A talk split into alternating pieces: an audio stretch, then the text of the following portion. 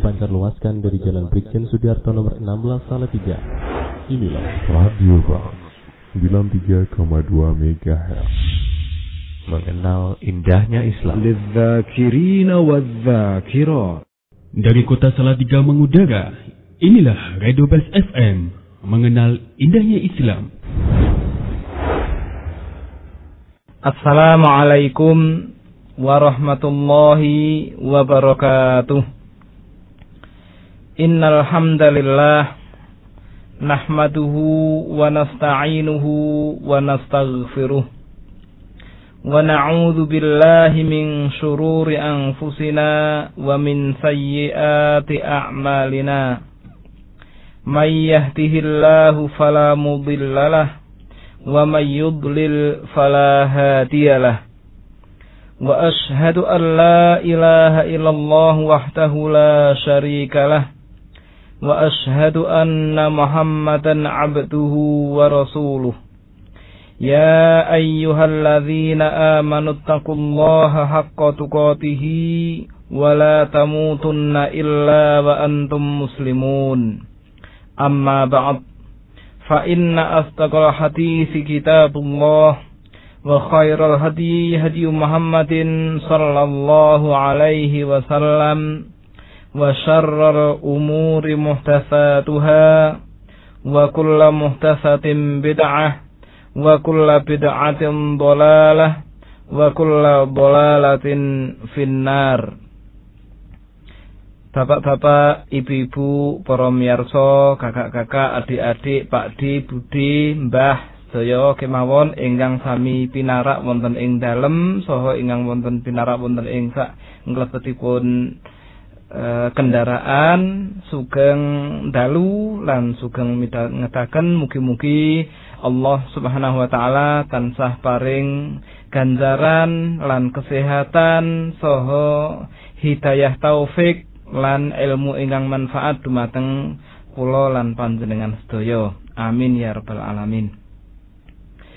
Para miyarsa kakung sumawana putri ingkang dahat kinurmatan menika dalem badhe nyebat sebagian pendengar nggih kados ingkang kawula hormati Bapak Kamto nggih ingkang wonten ing Soko, Bapak Sarjito, Bapak Effendi lan Bapak Husain saking tuntang saha rentang-rentang sedaya ingkang kober nggih midhangetaken menawi ngepasi kadang-kadang sok mboten kober ingkang kober midhangetaken siaran menika kula berdoa dumateng Allah Subhanahu wa taala mugi-mugi para miyarsa tansah pikantuk kesehatan bagas waras sanging Allah Subhanahu wa taala lan dipun paringi gangsar ing dalem nindakaken sedaya aktivitas wonten ing siang saha dalu lan dipun paringi sehat tiang-tiang ingkang gerah saha dipun paringi padang jembar manahipun tiang-tiang ingkang nembe susah lan lungkrah Kula inggih nyuwun dumateng Allah Subhanahu wa taala mugi-mugi kita sedaya tansah dipun paringi hidayah taufik Dene Allah Ta'ala dipun paringi kegiatan wageto nindakaken ketaatan ngantos akhir hayat. Amin ya rabbal alamin. Para miyarsa kaum muslimin wal muslimat rahimani wa rahimakumullah. Nganti surat saklajengipun nggih kados ingkang sampun kliwat kita nembe ngrembak surat An-Nas nggih surat An-Nas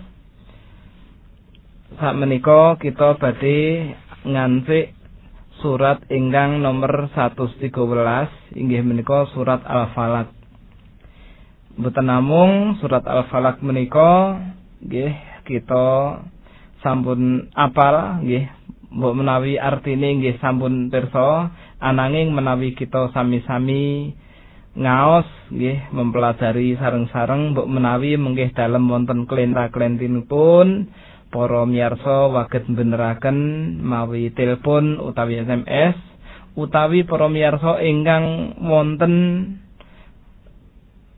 kekiranganipun ing dalam memahami nggih alias dereng faham sebagian ayat nggih menggih waget sareng-sareng dipun fahami saking tuntunanipun para ulama ahlu sunnah wal jamaah Para miyarsa kaum muslimin wal muslimat rahimani wa rahimakumullah monggo kita milai nggih. Bismillahirrahmanirrahim. Suratul Falaki nggih, surat Al-Falaq. Artosipun wungu wonten ing wekdal enjing nggih. Surat Al-Falaq menika mandhapipun wonten ing Mekah. Ya. Wonten sebagian ingkang ngendikaaken wonten ing Madinah. Ning ingkang masyhur menika dipun sebataken mandhapipun wonten ing Mekah. Cacahipun nggih ayatipun nggih cacahipun wonten gangsal ayat. Niki mandhapipun sak sampunipun surat Al-Fil. Kita mulai A'udzu billahi minasy syaithanir rajim. Bismillahirrahmanirrahim. Qul a'udzu birabbil falaq min syarri ma khalaq. ومن شر غاسق إذا وقب ومن شر النفاثات في العقد ومن شر حاسد إذا حسد Bismillahirrahmanirrahim. Bismillahi ngawiti ngaji ingsun kelawan nyebut asma Allah sifate Allah Ar-Rahmani zat kang paring welas. Ar-Rahimi zat kang paring asih. Ul dawuwa sira Muhammad A'udzu ingsun berlindung. Nggih a'udzu niku ingsun berlindung. Nyuwun pangreksa. Ingsun nyuwun pangreksa. Birabbin nasi eh birabbil falaqi kelawan Gusti Allah zat kang duweni wektu subuh. Nyuwun direksa sanging napa? Min sarrima sangking awonipun perkawis utawi awonipun barang kholako kang wus nitahaken sapa Allah ing ma. Wa min syarri ghasiqin lan sangking awonipun dalu idza waqab nalikane peteng si dalu niku wau Wa min syarrin nafasati lan sanging kejahatanipun, sanging awonipun ingkang nyebul-nyebul tukang sihir ingkang nyebul-nyebul fil uqadi ing dalem bundelan. Wa min syarri hasidin lan sanging kejahatan tiang ingkang drengki idza hasada ari kalane drengki sapa wong. Nah niki niki menawi badhe maknani nggih kula wangsuli niki Mas Eko nggih maknani niki Mas Eko Inggih Ustaz. Wah, alhamdulillah nggih. Terus menawi kula ketepetan nggih mangilikke nek ketepetan nggih. Nah, wonten ing mriki Allah Subhanahu wa taala dawuh wiwit ayat setunggal dumugi ayat gangsal.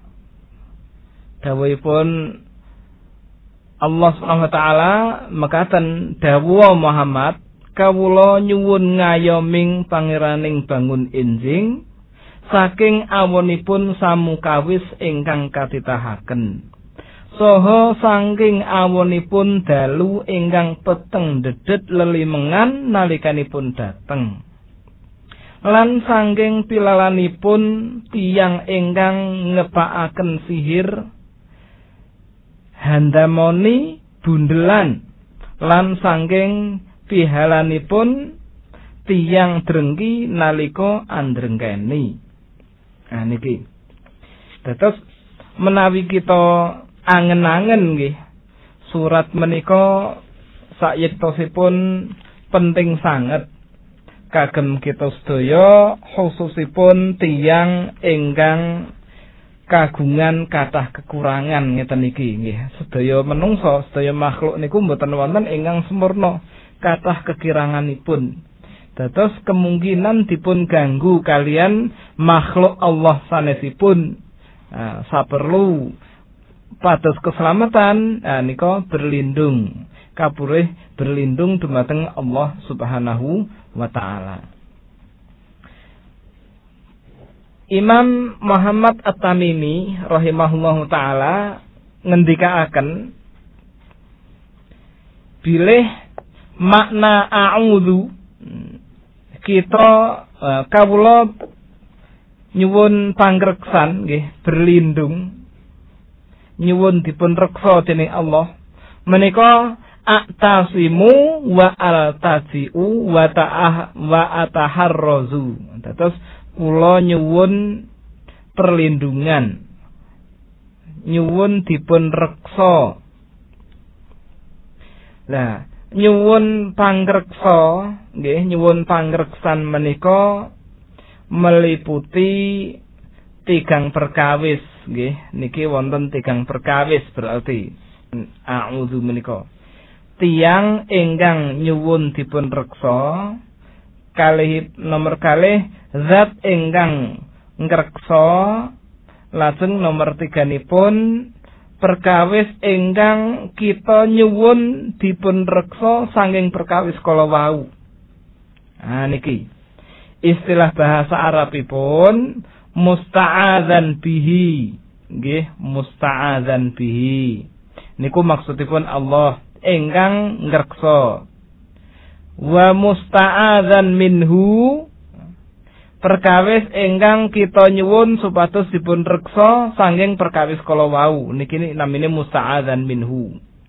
Lajeng wa musta'idzan tiyang ingkang nyuwun dipun reksa. Niki ista'adza awit asal katanipun sanging ista'adza niki nek rencang-rencang bahasa Arab kalebet sulasi napa rubai niki. Nah niki nek sulasi, sulasi mazid. Nah, mazid pinten niki? Nah, niki nderek napa nggih istaf'ala. Dados mazid eh, tiga. Nggih, enten tambahan tiga. Ngeten asline namung tiga tambahi tiga dadi enam niki. Istaf'ala, istaghfara, ista'adza. Ah ngoten. Para miyarsa kaum muslimin wal muslimat rahimani wa rahimakumullah. Sampun nggih.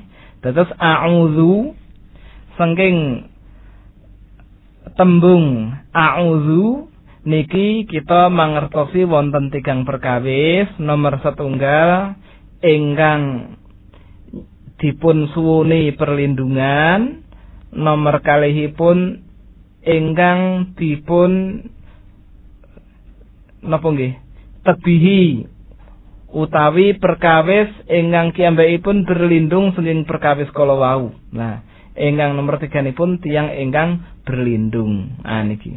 Nah, Allah Subhanahu wa taala wonten ing mriki paring kabar dumateng tiang ingkang nyuwun perlindungan dumateng makhluk. Mau perintahipun kita kapurih nyuwun perlindungan dumateng Allah. Allah niku sinten mriki pun sebataken Rabbul Falak. Zat ingkang mengirani, ingkang kagungan, ingkang ngatur wektu subuh. Nah, ngoten niku mestine sing disuwuni supados melindungi. Ananging menawi wonten tiyang ingkang nyuwun perlindungan dumateng sanesipun Allah Subhanahu wa taala lah Allah taala paling kabar bilih kedadosan ngeten iki mboten saged melindungi justru malah saya nambah dosa kados dawuhipun Allah ingkang kasebat wonten ing surat Al-Jin. Annahu wa annahu kana rijalum minal insi ya'uduna birijalin minal jinni fazaduhum rohako sayektosipun wonten tiang jaler sanging gulunganipun menungso nyuwun perlindungan.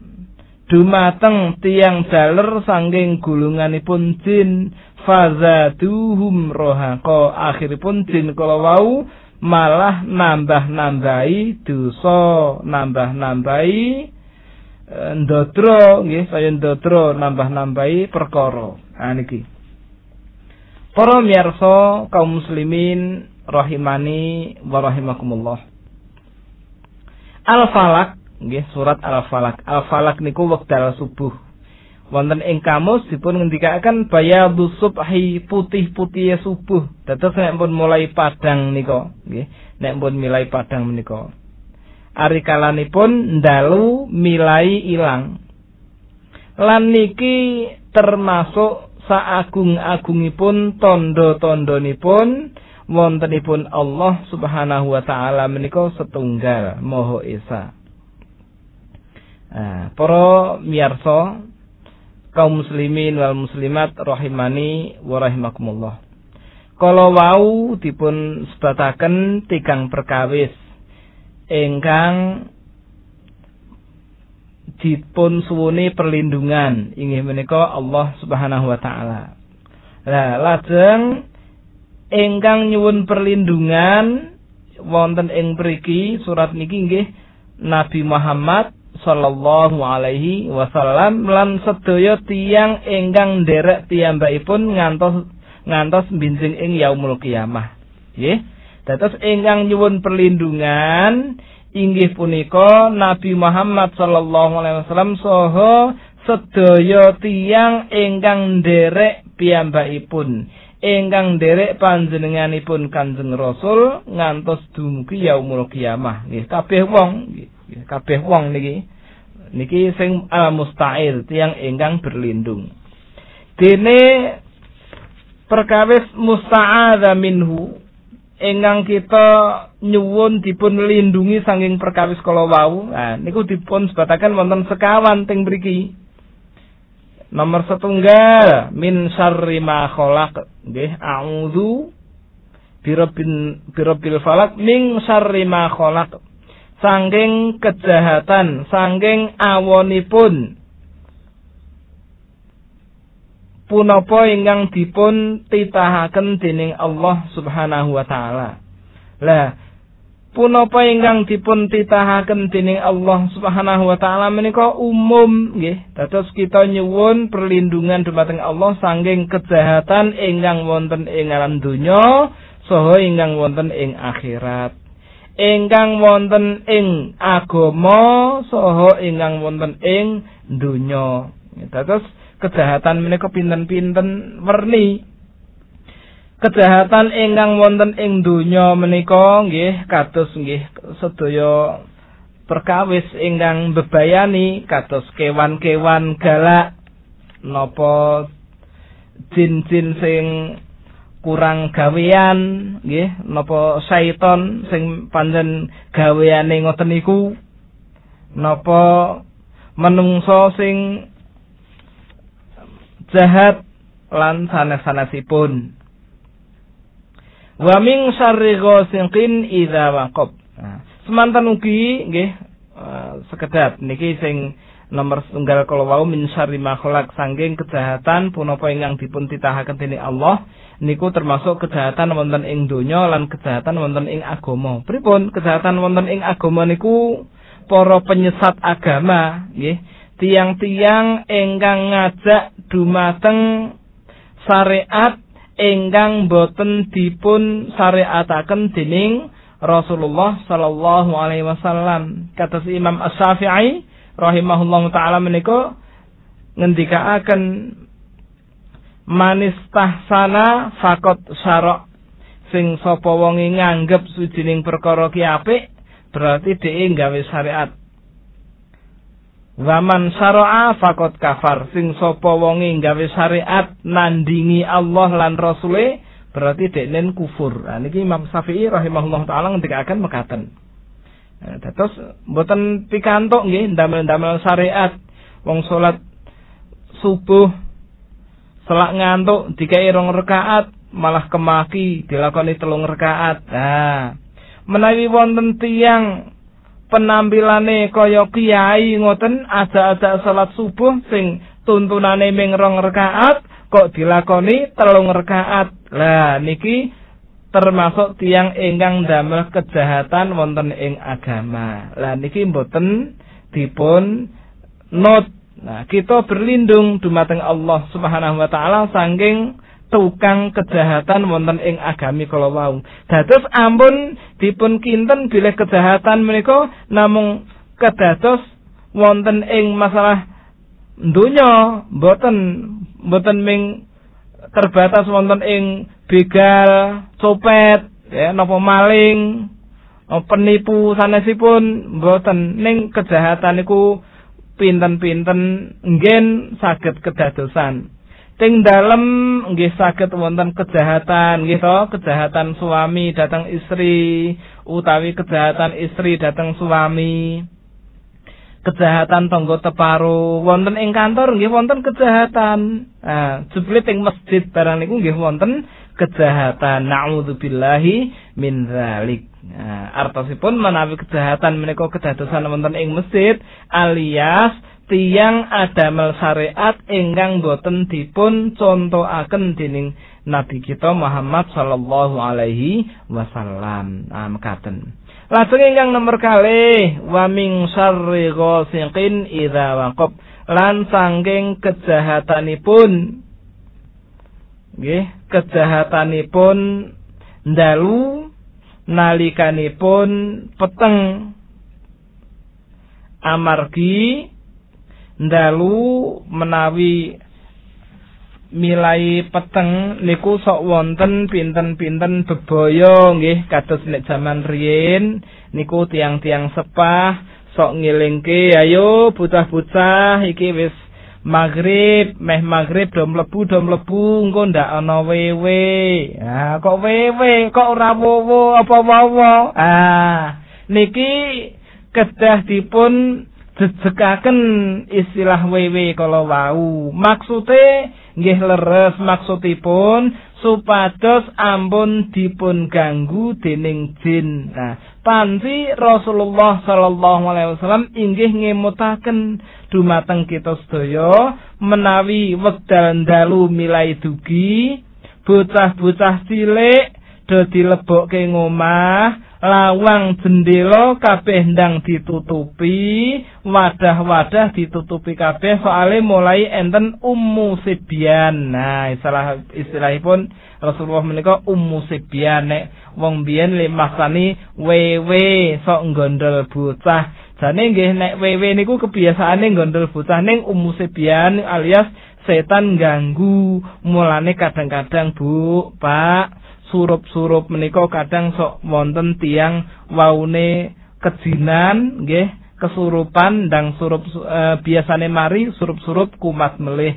Soalnya pancen musime setan do e, do medal pramila inggal-inggal mlebet. Nah menawi sampun midanget azan maghrib lah midanget azan maghrib bocah cilik-cilik sing wau dipun lebetaken sampun waget dipun ajak medal melih melampah dateng masjid salat berjamaah wonten ing masjid menawi mboten ganggu. Ah ngoten nggih atos-atos kadang-kadang pengine niku sae wong tuwa arep ngajak anake salat ing masjid gen terbiasa salat.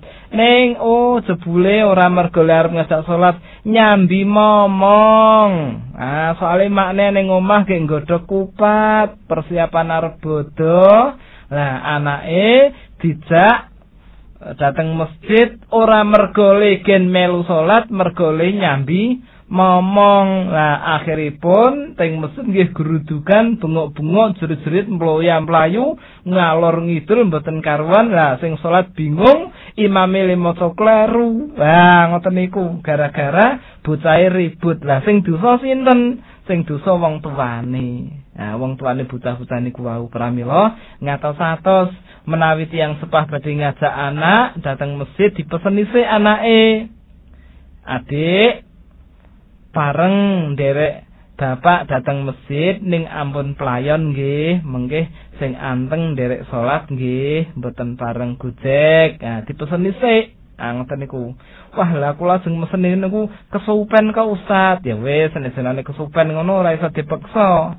Nah, mboten enten wong sengaja kesupen mboten enten. Kabeh kesupen mboten sengaja. Nah niki nggih, dados anak-anak menawi sampun midanget azan maghrib Sampun waget dipun jak medal senging dalem menawi badhe diajak dateng masjid salat berjamaah. Ning menawi mboten nggih mboten napa-napa ting dalem kemawon menggih ibune bar salat maghrib murui maos ikra napa qiraati napa doa-doa sanesipun ingkang dipun syariataken dening Rasulullah. Ah niki lajeng nggih niki kejahatan kejahatan dalu biasanipun wonten ing dalu menika mboten namung kewan nggih sing berbahaya nggih. Nggih sok enten jin barang ganggu niku biasane dalu. Nek cerita do ngomong enten momedi ngoten momedi awan mboten enten momedi nggih Mas Eko nggih Nggih, Ustaz. Nggih, mboten enten. Mboten enten. Awan-awan arang-arang memedi. Entene memedi doyan sambel nek awan niku. Ning biasane do gawe istilah memedi niku nek ndalu. Enten pancen awan niku memedi ning memedi sawah. Ah, memedi sawah niku dioprak-oprak ah, supados mrite do mlayu. Nah, niki termasuk ngeten lho Bu, Pak. Kita berlindung min syarri ma khalaq. Sanging perkawis ingkang dipun ciptakaken dening Allah taala kejahatanipun makhluk. Niku menawi Pak Tani nandur pari wis mulai berkata nah, utawi nggih mulai berkata ning mulai mredo seneng utawi mulai tuwa nggih mulai parine tuwa do ndingkluk ngoten nika mret oke niki maos surat al-falaq saben esok kali saben sore bar subuh kali bar asar ngoten nggih. Mau surat al-falaq niku termasuk supados tandurane barang aman sanging kejahatan. Zaman saniki mboten ming sing diomo niku mboten ming pari. Nandur jahe barang niku diomo sakniki. Omone mboten wereng mboten mrit. Ning omone menungso nandur jahe dirabuk subur gede-gede api-api ngerti-ngerti esok mbentek dibedoli wong kabeh. Nek jaman riyen ngoten pikul sakniki ndamel bok mobil bok mlebu parkir teng pinggir mergi lah liya-liyane do usur teng kebon bedoli jahe terus lebok keteng mobil arep ngoyak nggih kangelan. Nah menawi pengen aman nggih niki berlindung dumateng Allah Subhanahu wa taala saking kejahatan makhluk. Lho ngoten Terus wonten melih kejahatan teblek nggih to, sok enten sing do cerita enten hipnotis nggih. Bar diteblek wong terus bingung, mumet pikirane, linglung boten ngerti napa-napa, boten duwe kendali, akhiripun jaluk duwite kekke. Dompete kon ngulungke kekke, ATM-e kon ngulungke kekke, kabeh dikekke. Ah, malah sing ning omah barang ditawakke yo nek gelem neh ngomahku ana werna-werna. Nah ngoten niku. Niki akibat sihir nggih saking ceblekan niku wau. Lah dados kita perlu berlindung dumateng Allah Subhanahu wa taala saking kejahatan makhluk. Nah niki. Niki jebule nggih Allah memerintahkan dumateng Nabi Muhammad sallallahu alaihi wasallam ke zaman riyin sampun dipun perintahaken kita kantun miderek kemawon. Lajeng nomor tiga, nggih, nomor tiga. Wa min syarrin nafasati fil uqad. Lan sangking kejahatanipun tukang sihir. Nggih. Tukang sihir nafasati niku sebul-sebulane nggih tiyang ingkang damel bundelan saking benang napa saking uh, gombal ngoten nggih. Biasane tukang sihir niku linggawe nggih werni-werni enten sing gombal sing elik nika jikuke lemah king kuburan dibundel-bundelke terus didamon-damoni. Ngoten wonten melih ingkang modelipun san e, sandal nggih sandal ning saking Al-Qur'an. Dados mushaf Al-Qur'an niku dikai serampat terus digawe serandal dinggo teng kamar mandi. Niku ndamel ngoten niku disenengi kalian syaiton akhiripun setan-setan niku dikongkon nggih nurut. Nah ngoten. Niki dipun sebataken wonten ing uh, kitabipun Syekh uh, Wahid Abdus Salam Bali. Hafizahullah taala. Niki pun sebataken macam-macam tiang ingkang adamel sihir wonten ing kitab piyambakipun pun sebataken niki macam-macam nggih lajeng nggih dados kita tetep kedah berlindung dumateng Allah Subhanahu wa taala saking kejahatanipun sihir. Wonten setunggaling cerita nggih e, riwayat bilih sebab turunipun ayat menika Rasulullah sallallahu alaihi wasallam niku nate dipun sihir dening tiyang. Lah sihiripun menika mandi banget lah mandi banget akhiripun Rasulullah kapureh berlindung dumateng Allah Subhanahu wa taala saking kejahatan tukang sihir ari kalanipun nyebul-nyebul bundelan Eh, bahan sihir mekaten. Lajeng ingkang nomor sekawan wa min syarri hasidin idza hasad. Kita sedaya umat Nabi Muhammad sallallahu alaihi wasallam nggih Nabi Muhammad sak umatipun sedaya kapurih berlindung dumateng Allah taala sanging drengkine tiyang ingkang drengki. Eh drengki niki umum. Sing drengki niku milai iblis. Iblis niku sak drengki drengkine wong niku iblis niku. Kalih anak turunipun anak turunipun iblis setan jin-jin kafir niku nggih sedaya do hasad. Drengki supados menungso menika ingkang sampun pikantuk hidayah saking Allah Subhanahu wa taala dipun slametaken saking ancaman neraka gen melu-melu iblis dateng neraka. Nah niki. Kados Nabi Adam riyen iblis nggih drengki dumateng Nabi Adam. Akhiripun digelembuk Nabi Adam supados dahar woh-wohan utawi wit ingkang dipun larang dening Allah Subhanahu wa taala. Para miyarsa kaum muslimin wal muslimat rahimani wa rahimakumullah. Ida hasad, kita berlindung sangking kejahatanipun tiang drengki arikalanipun drengkeni. Tiang ingkang hasad menika kadang-kadang sok mboten ketawis nggih, mboten ketara. Kados-kados pun seneng remen demen jebule mbebayani.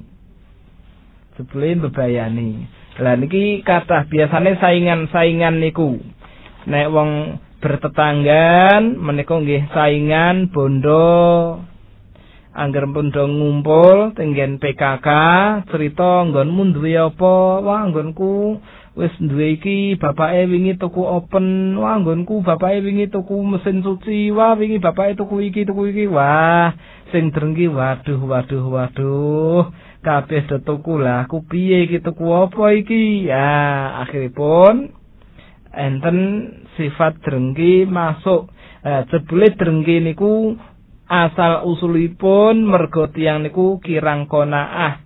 Nampi sangking pemberianipun Allah Subhanahu wa taala kirang dipun tampi nggih. Dados rakus datang dunia akhiripun muncul sifat drengki. Lah tiang ingkang pikantuk nikmat saking Allah taala menika kepenak. Lah tiang boten ingkang boten pikantuk nikmat saking Allah akhiripun banjur drengki iri lah hasad niku napa hasad niku wonten ing istilah bahasa Arab para ulama inggih sampun nyebataken inggih tiang ingkang pengin kenikmatan ingkang Allah paringaken dumateng tiang sanes niku ical. Nah niki drengki ngoten niku. Pengen sedulure sing duwe kesaenan niku ical saking kesaenanipun. Nah niku jenenge drengki. Drengki niki mboten ming urusan bondo. Kadang-kadang ahli dakwah nggih sok enten sing drengki. Nggih to, sok enten sing drengki. Soale angger wong dakwah sing digoleki pengikut ngoten pun rak njut bangga duwe pengikut akeh murite pirang-pirang. Ah, mengke enten guru loro.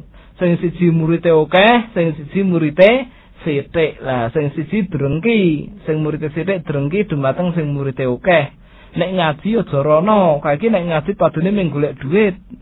Nek kowe ora urunan njajal engko rak mrengut. Nah, ngaji ki ning nggonku wae gratis. Nah, jebule nggih pancen mriko-mriki kathah nggih guru niku jebule rebutan murid ndadak drengki barang. Nah, pancen dakwah nek sing digoleki murid nggih ngoten nek dakwah niku sing digoleki ridhone Allah Subhanahu wa taala, alhamdulillah muridku akeh bersyukur. Alhamdulillah kancaku murid akeh ya bersyukur. Sing penting kabeh padha-padha ajak-ajak dumateng Al-Qur'an lan Sunnah ingkang dipun fahami kados pemahamanipun para ulama. Nah, para sahabat zaman riyin mekaten. Para miyarsa kaum muslimin wal muslimat rahimani wa rahimakumullah. Nggih kula kinten sekap semanten rumiyin nggih. Niki kesimpulanipun wonten kalih nggih nomor setunggal istilah berlindung. Berlindung niku enten wong sing berlindung, enten sing dipun suwuni supados melindungi enten perkawis sing kita nyuwun berlindung sangking perkawis kala wau namine musta'adza minhu. Nah niki nomor setunggal. Lajeng nomor kali berlindung niku sangking sekawan perkawis gitu nomor setunggal eh, keja berlindung dumateng Allah sangking kejahatan makhluk. Nomor kali pun kejahatan ingkang wonten ing wekdal dalu nek pas peteng nika Nomor tiga pun berlindung sangking kejahatanipun tukang sihir lan nomor sekawanipun berlindung sangking kejahatanipun tiang ingkang drengki. Lah niki menawi kita dipun lindungi dini Allah Subhanahu wa taala sangking sekawan perkawis kala wau berarti kita pikantuk kehidupan menika tentrem ayem gemah ripah loh jinawi. Ijo royo royo makmur pemimpine adil rakyate do taat. Nggih ngoten niku. Anake solih solihah bapakne mbokne gemati dumateng anak. Lah niki sing jenane bahagia. Niki menawi kita dipun lindungi sanging sekawan perkawis kalau wau. Pramila Monggo-monggo kita tansah nyuwun dumateng Allah Subhanahu wa taala nyuwun perlindungan sanging sekawan perkawis ingkang kasebat wonten ing surat Al-Falaq kala wau. Wallahu taala a'lam. Kalau sinten cekap semanten nyuwun pangapunten mbok menawi wonten atur ingkang kirang pranani dumateng penggalih para miyarsa ingkang dipun rahmati dening Allah Subhanahu wa taala. Wallahu taala a'lam. Para pemirsa ingkang dahat kehormatan mengetahui ulasan singkat saking Ustaz Ahmad Yazin Hafidhullah taala.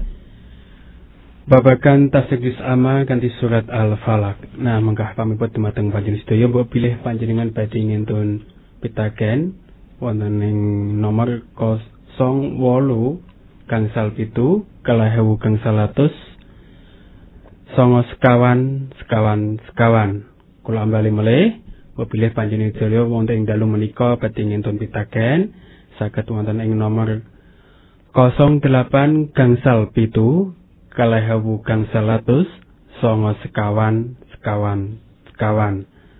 Para miyarsa ingkang dadi hormatan kaum muslimat wonten ing pundi kemawon kita samangke badhe mitengataken sesarengan jeda-jeda wonten ing dalu menika saking Ratu Bas FM tiga. Namung satengipun kula matur dumateng panjenengan sedaya mbok bilih pitaken ingkang ajuga dipun layangaken dumateng kalian Al Ustaz Ahmad Januddin menika kedah sesuai kalian materi ini pun monggo mirsa ingkang dadi kematan kita mitengataken jeda-jeda saking Bas FM Solo 3. Dari kota Salatiga mengudara, inilah Radio Bas FM, mengenal indahnya Islam. Para pemirsa ingkang dahat kehormatan, kita nganti wonten ing acara tanya jawab lan sepeda mulai.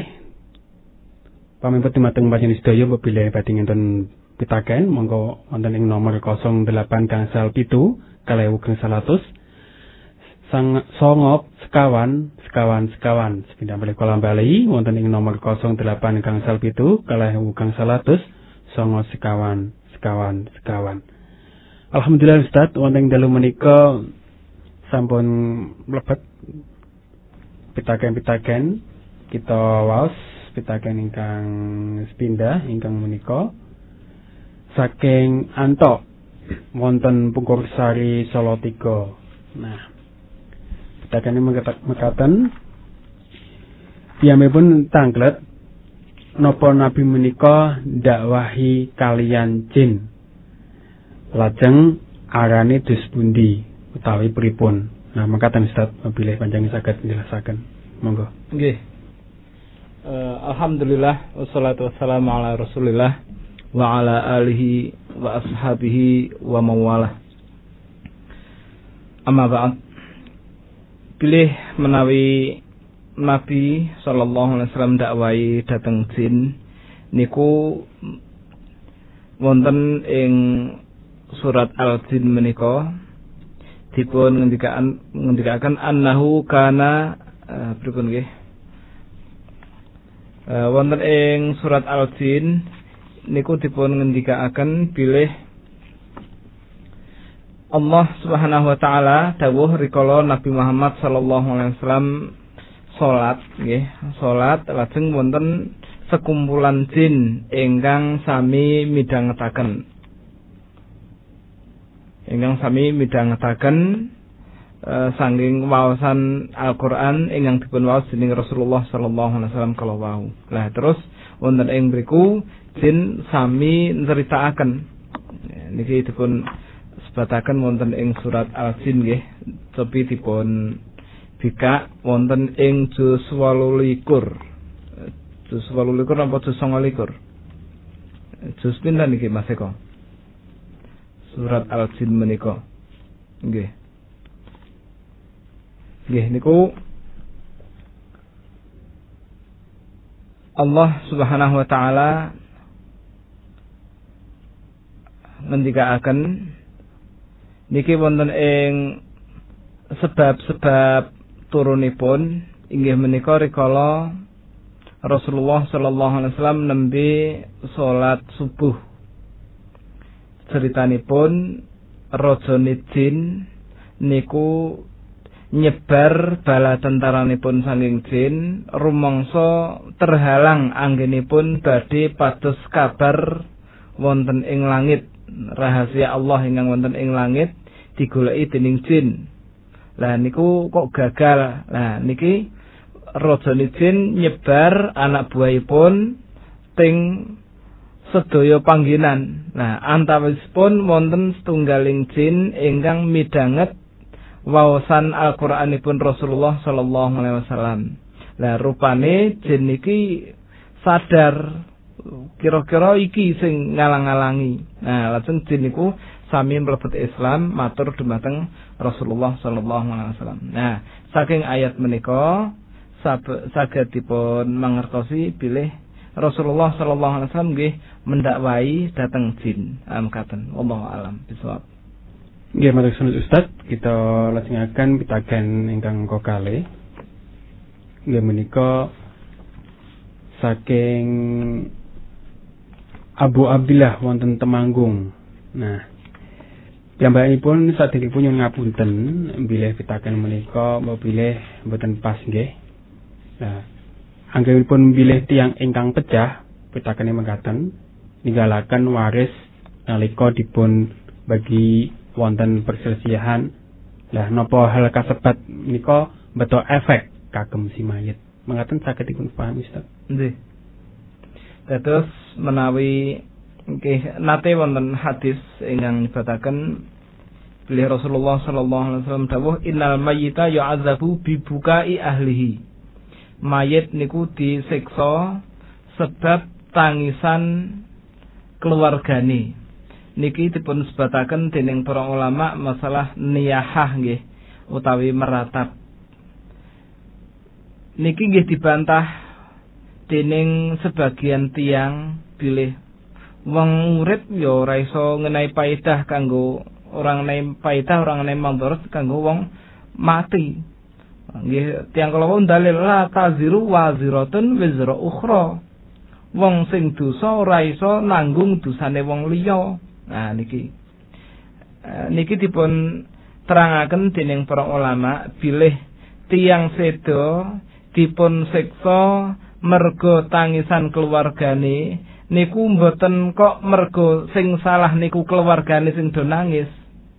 Ulama ngendikaken sing salah niku mayite napa riyin zaman isih urip keluargane ora dididik tentang haramipun meratap. Nah ngoten lho. Nah semanten ugi niki tiang sedo banjur ahli warisipun sami bagi harta waris terus ndan malah do gelut dhewe-dhewe. Lah niki napa saged efek negatif saged melarati kagem mayit napa mboten nggih dipun tingali. Menawi do udrek-udrekan rebutan warisan niku mergo bapakne riyin mboten didik anak bojone dadi tiang ingkang trama eh, nrimo ing pandum nggih memungkinkan berpengaruh dumateng mayit alias pun dosa mergo mboten didik anak bojonipun. Ning menawi perselisihan kala wau mboten mergole salah didik pun dididik mboten kaya-kaya wae dipondokke ning sing ndeladak lah niku pun mboten kagungan tanggungan wonten ing ngarsanipun Allah Subhanahu wa taala berarti mboten pelarati mboten mandoroti dumateng jenazah. Pripun saged dipun pahami ta mboten Mas Eko? Insyaallah saged. Ah nggih mugi-mugi Mas sinten niku mau? Oh, Mas Kesupen. Enten mboten. Oh, nggih. Nggih, nggih mugi-mugi Mas Abdillah napa sinten niku saking Temanggung nggih. Nggih. Ah nggih, nggih mugi-mugi saged dipun pahami nggih Nggih, mekaten kirang langkung pun. Nggih, saya kok malah kesupen Ustaz niki. Nggih. Nggih. Wonten sanesipun napa mboten? Nggih, tata uh, kata ingkang niku uh, kirim napa? Pitaken-pitaken. Alhamdulillah wonten dalu menika. Kok kathah men wekdalipun sekat mboten niki. Insyaallah mengko kita sekeng 12 menit kita lajengaken Ustaz. Oh nggih, nggih mugi-mugi mawon nggih. Nggih. Mugi-mugi sabar nggih. Insyaallah. Lah nika saking pitaken saking Purwanto Cukil, Cukil Tengaran nggih. Nggih. Nggih. Piyambakipun petake uh, tangkret tunggene kathah tiyang nyuwun bantuan kalian jin Islam. Menika napa leres lan diparingaken untuk suwun Monggo. Nggih, mboten paringaken, parengaken. Paringaken nggih nggih. Nggih. Nggih, paring niku ora aweh, nek pareng niku entuk ngoten. Nggih, niki kados belajar kosakata basa Jawi niki. Nggih, nggih. Nah, ngeten menawi tiang nyuwun bantuan dumateng jin muslim niku wau wonten ing surat al-jin. Surat al-jin ayat 6 Allah dawuhipun rijalun minal insi ya'udzuna birijalin minal jinni. Nah mboten dipun sebataken minal jinnil kafiri ngoten mboten. Berarti jin secara umum. Jin secara umum maksudipun tiang ingkang nyuwun bantuan dateng jin. Ngapunten jin kalau wau jin kafir napa jin muslim. Niku dawuhipun ulama tetep mboten dipun parengaken adi dasar surat al-jin ayat 6 nggih. Sarta dene saka wong-wong saka antaraning menungso njaluk pitulungan marang para jin lanang nggih kang mengkono mau muwuhi kesasar tumrap dheweke. Terus muwui uh, nambah nambah nambah ke kesasar. Niki jin terus mboten dipun parengaken nyuwun bantuan dumateng jin. Lan menawi kita nyuwun bantuan dateng jin menika napa ya? Enten jin bantu tanpa pamrih. Nggih tetep enten pamrihipun. Nah mungkin bebayani dumateng uh, sanes sanesipun. Nggih akidahipun berbahaya lan so sanes-sanesipun. Terus langkung sae dipun tilaraken. Mboten ming langkung sae panjen kudu Eh, mboten sah njaluk tulung dumateng jin rakitung jin kala wau muslim. Ning nek jin kala wau pengin nulungi ora dijaluk nggih monggo kersa ngoten. Pak D, jenengan jarene ajeng pindahan daripada ndadak nyewa truk omahe jenengan kula potemen. Lah le ngepot wadaya apa? Gampang mleh kula junjung kalih rencang-rencang upamini. Pun nek enten jin sing gelem ngoten tanpa diupahi nggih mboten napa-napa. ditulungi kali jening sing jelas kita ampun nyuwun. Nah ngoten. Ampun nyuwun. Ning kadang-kadang tiang niku jane nyuwun tulung dateng jin ngakune mboten nyuwun tulung. Wah iki karomah iki. Ah, nggih mboten mboten karomah. Niku pancen bantuan jin. Nah, ngoten. Wallahu taala alam. Nggih matur suwun Ustaz. Nggih kita sarakan kita kan sanesipun nggih menika saking hamba Allah lan niki ingkang di Angel Ustaz. Oh, hamba. Allah niku nggih kathah, nggih kalau mas hamba Allah ngoten mawon napa mbak hamba Allah nggih saged Nggih. Jawa niki sering suruh uh, pitakenmu mekaten kados pundi amrih iman dumateng Allah taala saged konjem ing manah. Konjem niku napa Ustaz? gen Maksudipun. tumantep ngoten Oh. Nggih. Monggo Ustaz.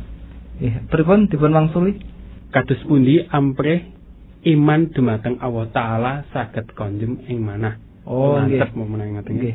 Terus supados iman dumateng Allah taala menika saged tumantep wonten ing manah Hmm. Allah dawuh warasikhuna fil ilmi yaquluna amanna bi kullun min indi rabbina tiang-tiang ingkang sampun terpatri terpaku tumantep ilmunipun niku sami dawuh amanna bihi kula beriman niki ngadepi ayat-ayat mutasabihat Dados tiang ingkang manahipun senengane seneng sing melenceng niku sok senengane golek-golek tafsir sing ora-ora.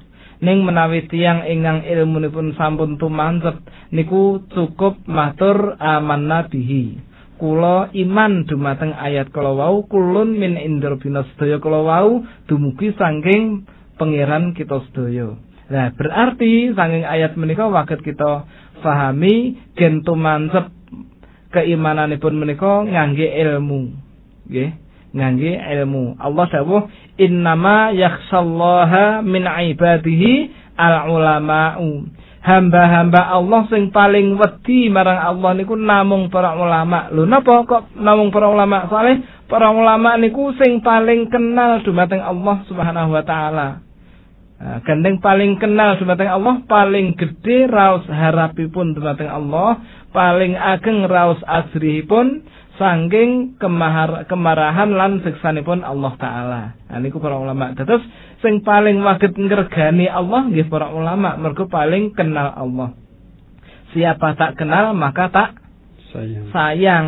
Ah niki mergo sayang niku mergo le kenal. Benci nggih mergo le kenal. Oh ngoten. Nah, pripun kita badhe kenal badhe sayang, badhe cinta dumateng Allah nek kita mboten kenal. Terus kersane manah kita mantep ing dalam keimanan. Niki pansi kita kedah rajin ing dalam tolabul ilmi lan perlu dipun mangertosi bilih tolabul ilmi menika mboten ming pisan pindho dong nek kober mangkat nek ora ya ora. Kadang-kadang kita niku ngasih seminggu pisan we kadang sok absen ah niki dados ngoten nggih Bu niki kinten-kinten Bu Hani ya ini mboten Pak Abdullah suruh niku kathah rencang-rencang Nggih. nggih Jadi mengatakan Ustaz, kita tasih gadah wedal kang langkung 8 menit nggih insyaallah menika. Tasih wonten pitakenan ingkang mlebet wonten ing meja redaksi. Kita waos saking Bapak Tri Sukoharjo lan iki pendengar setia menika. oh niku mboten Bapak Mas niku Oh nggih. Nggih, dereng rapi, dereng niku Oh, Mas Tri. nggih. Dongake muga-muga kan untuk bojo niku. Nggih. Nggih. Insyaallah nih. Pitakene mengatakan napa leres jin lan seton menika saged mejahi lan nyilakake tiyang niku ingkang setunggal. Ingkang angka kalih nggih menika pripun carane nerangaken babagan kasurupan jin niku leres wonten. Amargi tanggonipun ingkang boten mercayani wontenipun kasurupan jin. Padahal tiyange inggih tiyang Islam ingkang istiqomah ketingalipun mekaten. Lah, monggo nyuwun pangertosanipun Ustaz. Nggih. Berarti pitang kletipun kula wau nggih ingkang nomor setunggal Nggih. nyuwun kawruh e, napa enten jin niku saged mbebayani ngoten nggih intinipun. intinipun ngoten. Nggih. Nggih intinipun eh mbebayani napa paring manfaat niku sedaya saking Allah Subhanahu wa taala. Ning dene lantaran kadang-kadang menungso niku sok entuk madharat lantaran saking makhluk jahat. Nggih kados dene tiyang gejeglong mergo enten jeglungan niku akhire eh, kepleset kecetit eh, sikile sakit. Nah sukunipun sakit. Nah niki mergo le gejeglong kala wau enten sebabipun. Faat sababa terus enten penyebabipun. Ning penyebab utama ingkang kita yakini inggih Allah Subhanahu wa taala. Dados masalah niku pancen saged paring mamborot. Ning menawi dipun izini dening Allah. Menawi Allah mboten ngizini nggih mboten saged mandoroti. Berarti kita nek liwat kuburan mboten perlu wedi jin nggih.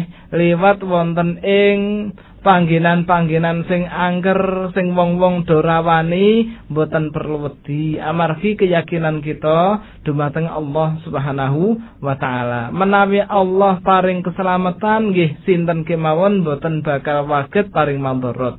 Ananging sak kosok wangsulipun menawi Allah badhe ngersakaken paring musibah utawi mandorot dumateng kita sinten kemawon sing badhe ngalang-alangi nggih mboten wonten ingkang waget bahkan wonten ing dalam kemawon saged pikantuk bahaya ingkang kita ajrihi menawi kita medal ah ngoten niku panci saged ananging ampun kesupen bilih sedaya kala wau kedadosan anggih mergo takdir saking Allah Subhanahu wa taala. Nah, terus nek dene jin niku saged paringi mandorot nggih biasane sihir-sihir niku nggih mandorot ingkang uh, saking jin uh, sihir niku. Langsung ingkang pertanyaan nomor kali. Nomor kali kalau wau tiang wonten tiang ingkang ketoke tesih nggih beragama sae ngoten ning kok mengingkari entenipun uh, kesurupan ngoten ya nggih. Nggih. Ah nggih kesurupan jin. Niku wonten ing Al-Qur'an nggih surat Al-Baqarah nggih ayat kalih atus pitung dosa gangsal Allah dawuh alladzina yakuluna riba la yaqumuna illa kama yaqumul ladzi yatakhabbatuhu syaitanu minal mas. Nah niki. Ayat niki nedahaken bilih wong kang padha mangan riba iku ora bakal padha tangi kejaba kaya tangine wong kang keranjingan setan jalaran owah akale. Nah sok dolanan reok nika nggih to dolanan reok niku kadang-kadang sok keranjingan angger mulai ndadi nek cara Magelang niku ngarani ndadi. Ning nek cara Salatiga niku le mastani kesurupan nggih nyirik-nyirik niko. Wonten melih daerah lain mastani keranjingan. Nah, ayat niki Imam Al-Qurtubi rahimahullahu taala wonten ing tafsiripun nek mboten kelentu sekitar juz-juz uh, akhir nggih. Uh, niku nyebataken bilih ayat menika raketung ngrembak masalah riba ning dados dalil bilih menungso niku pancen saged kenging jin, saged kesurupan jin. Aniki. Terus bukti-bukti nggih kathah. Yang ingkang do kejinan niku kathah. Ya, terus menawi tiang boten meyakini ya dalilipun boten yakin napa soalnya niki masalah gaib nek masalah gaib niku intine masalah dalil enten dalil sering Al-Qur'an lan sunnah enten komentaripun para ulama nggih kita yakini. Ning nek enten dalil saking Al-Qur'an mboten enten komentar saking para ulama lah kita tanglet rumiyin. Mungkin mboten eh, supados mboten keladuk pemahaman mekaten. Mas Eko? Nggih. Nggih Ustaz. Mbok pilih nyun sewu niki malah. Saking dalu atine pangucapane radi niki. Nggih pun ngantuk kita nggih nggih nggih. Tumbas nasi goreng nggih Mas Eko Tasih wonten setunggal pitaken melih, pilih mungkin saged dipun jawab. Oh nggih. Tasih enten wedal kalih menit nggih. yang langkung. Niki saking Hasbi wonten Temanggung. Oh nggih. Nggih niku petakene mekaten. Ustad, kula nate dipun dawuhi kalihan guru. Nggih, kalian guru. Nggih, supados maos surat Fatihah kangge keluarga sae ingkang tasih sugeng utawi ingkang sampun sedo. Namung kula nderek nate mangertos dalil Al-Qur'an utawi hadis ingkang nyebataken bab menika. Nah, pepilih makaten nderek dipun jelasaken. Nggih. Nggih menawi maos Al-Fatihah kangge keluarga ingkang tasih gesang napa ingkang sampun seda. Nggih niki wong kaitanipun kalian maos Al-Fatihah berarti niki masalah ibadah nggih Mas Eko nggih. Ini. Nah, ibadah niku syaratipun wonten kalih. Inggih menika nomor setunggal kedah ikhlas, nomor kalihipun mutabaah. Lah kok saged mastani syarat ibadah wonten kalih inggih ingkang dipun ngendikaken dening para ulama mekaten. Para ulama mendet eh, istilah niki saking dua kalimat syahadat niku asyhadu alla ilaha illallah aku nekseni ora sesembahan kang wajib disembah kanthi bener kejaba Allah. Berarti nek nyembah niku namung dipun tujukaken dhateng Allah. Tumuju dumateng Allah taala kemawon mboten entuk tumuju dumateng sanesipun Allah. Sing jenenge ibadah nggih dumateng zat ingkang nyipta sedaya ingkang wonten menika. Kados Imam Ibnu Katsir dawuh wonten ing eh, pas eh, pas nerjemahaken nggih wonten ing surat Al-Baqarah nggih. Ya ayyuhan nasu budu rabbakumul ladzi khalaqakum sak piturutipun Imam Ibnu Katsir ngendikaken al khaliqu li hadhil asya huwal mustahiqu lil ibadati sing gawe sedaya perkawis ingkang wonten menika inggih piyambakipun ingkang berhak dipun sembah. Lah niki bilih kita nyembah nika namung dipun tujukaken dumateng Allah niki ikhlas. Lajeng nomor kalihipun mutabaah wa asyhadu anna Muhammadan Rasulullah lan aku nekseni bilih Nabi Muhammad menika utusan Allah. Menawi kita nekseni Nabi Muhammad menika utusan Allah, diutus ini Allah niku kenapa ngoten lho. Nggih, Nabi Muhammad niku dipun utus Allah kenapa? Ah, Nabi Muhammad menika dipun utus dening Allah taala litubayyana linnas. Njelasake sedaya perkawis dumateng menungso termasuk carane ngibadah. Lah, masalah maos Al-Fatihah kangge tiang ingkang sampun sedo utawi tiang ingkang tesih gesang niki kita pados iki mawon wonten ing Al-Qur'an. Wonten apa mboten? Mboten wonten. Nek mboten wonten ing Al-Qur'an pados wonten ing hadis. Hadis wonten apa mboten? Perintah kita maos Al-Fatihah kangge tiang sanes mekaten. Menawi ingkang dipun maksud mau surat Al-Fatihah menika ruqyah, ah niku saged kemawon wonten asalipun nek ruqyah njapani ruqyah niku. Nek nek wong sedo napa nggih diruqyah lah niku perkawis sanesipun. Berarti menawi panjenengan Mas sinten Hasbi nggih. Nggih, Mas. Hasbi panjenengan pikantuk dalil sanging hadis Nabi wonten asal usulipun Mas Al-Fatihah kangge tiyang sedo nggih manglampahi ning nek dereng pikantuk dalil nggih mboten sah dipun lampahi. Mboten sah rekoso-rekoso dadak takok mbo- nggih mboten sah.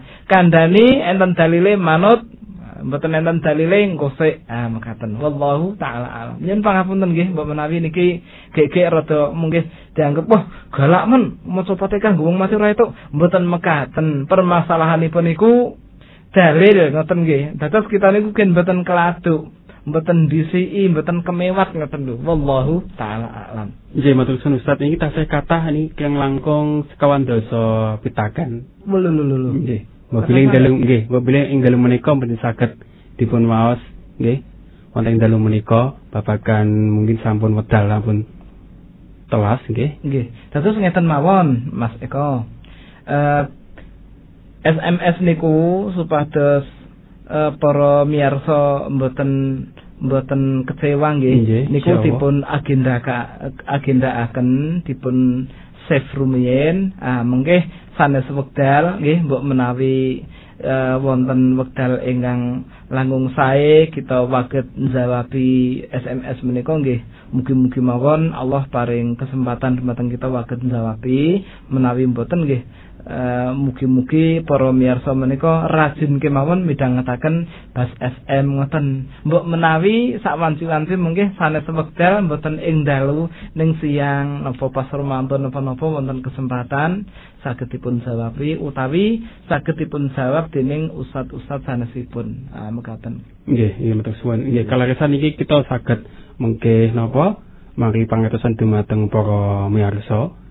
Wonten pitaken eh, bilih dus pundi menawi menika saking radio basa menika ngadakaken SMS center. Dados mungkin di luar materi utawi di luar on air ngaten iki dus pundi dus. Oh nggih, insyaallah.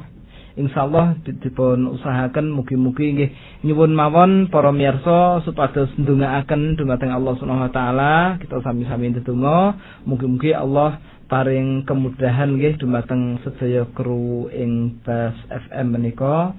Wageta urun rembuk utawi ewang-ewang dumateng para miyarsa ingkang kagungan permasalahan nggih. Mboten dipun pungkiri nggih jenenge ndek permasalahan niku pengin gendang rampung ngoten Mas Eko Banten nggih mugi-mugi mawon. Para miyarsa mong dongake nggih para miyarsa.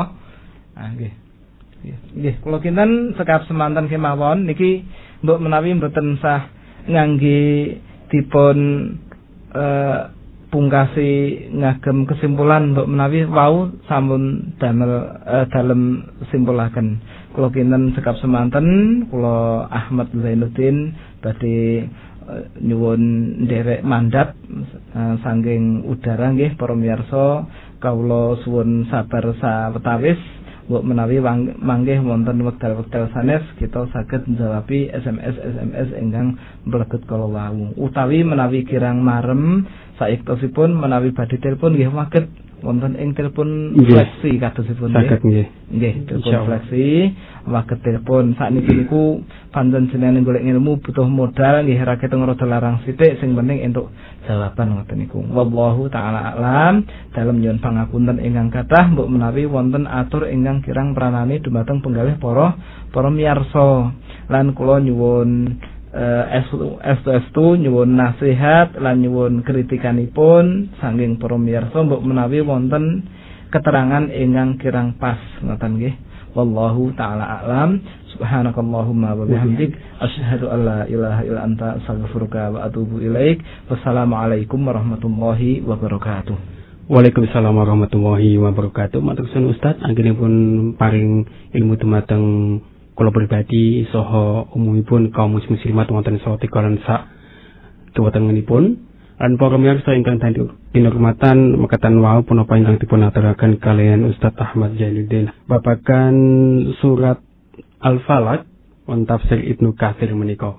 Mugi-mugi punapa dipun aturaken kita saged pendet manfaat lan faedahipun. Lan mugi-mugi kita sedaya kagolong ewaning para mutakin ingkang estu-estu takwa datang Allah Ta'ala tansah nidakaken dawuhing Allah serta nepihi awasanipun. Lan samyo turung tinulung ing dalam kebagusan lan takwa karantannya boleh datang ridhoipun Allah Ta'ala. Ingkang mengatakan punuka Allah Ta'ala badhe ngagungaken ganjaranipun kita sedaya. Ing sono ingkang kula ndherekaken lampahing acara mbok bilih kathah kelentah kelentenipun anggenipun kula matur kula nyuwun agung misih samudra pangaksami saking kula cekap semanten kita hari subhanakallahumma wa bihamdika asyhadu an la ilaha illa anta astaghfiruka wa atubu wassalamualaikum warahmatullahi wabarakatuh Matur suwun, panjenengan sampun mitengataken pengawasan wonten ing Radio Bas FM Solo 3. Sangang doso tiga koma kali FM. Mugi-mugi tetap manfaat kagem panjenengan lan keluarga.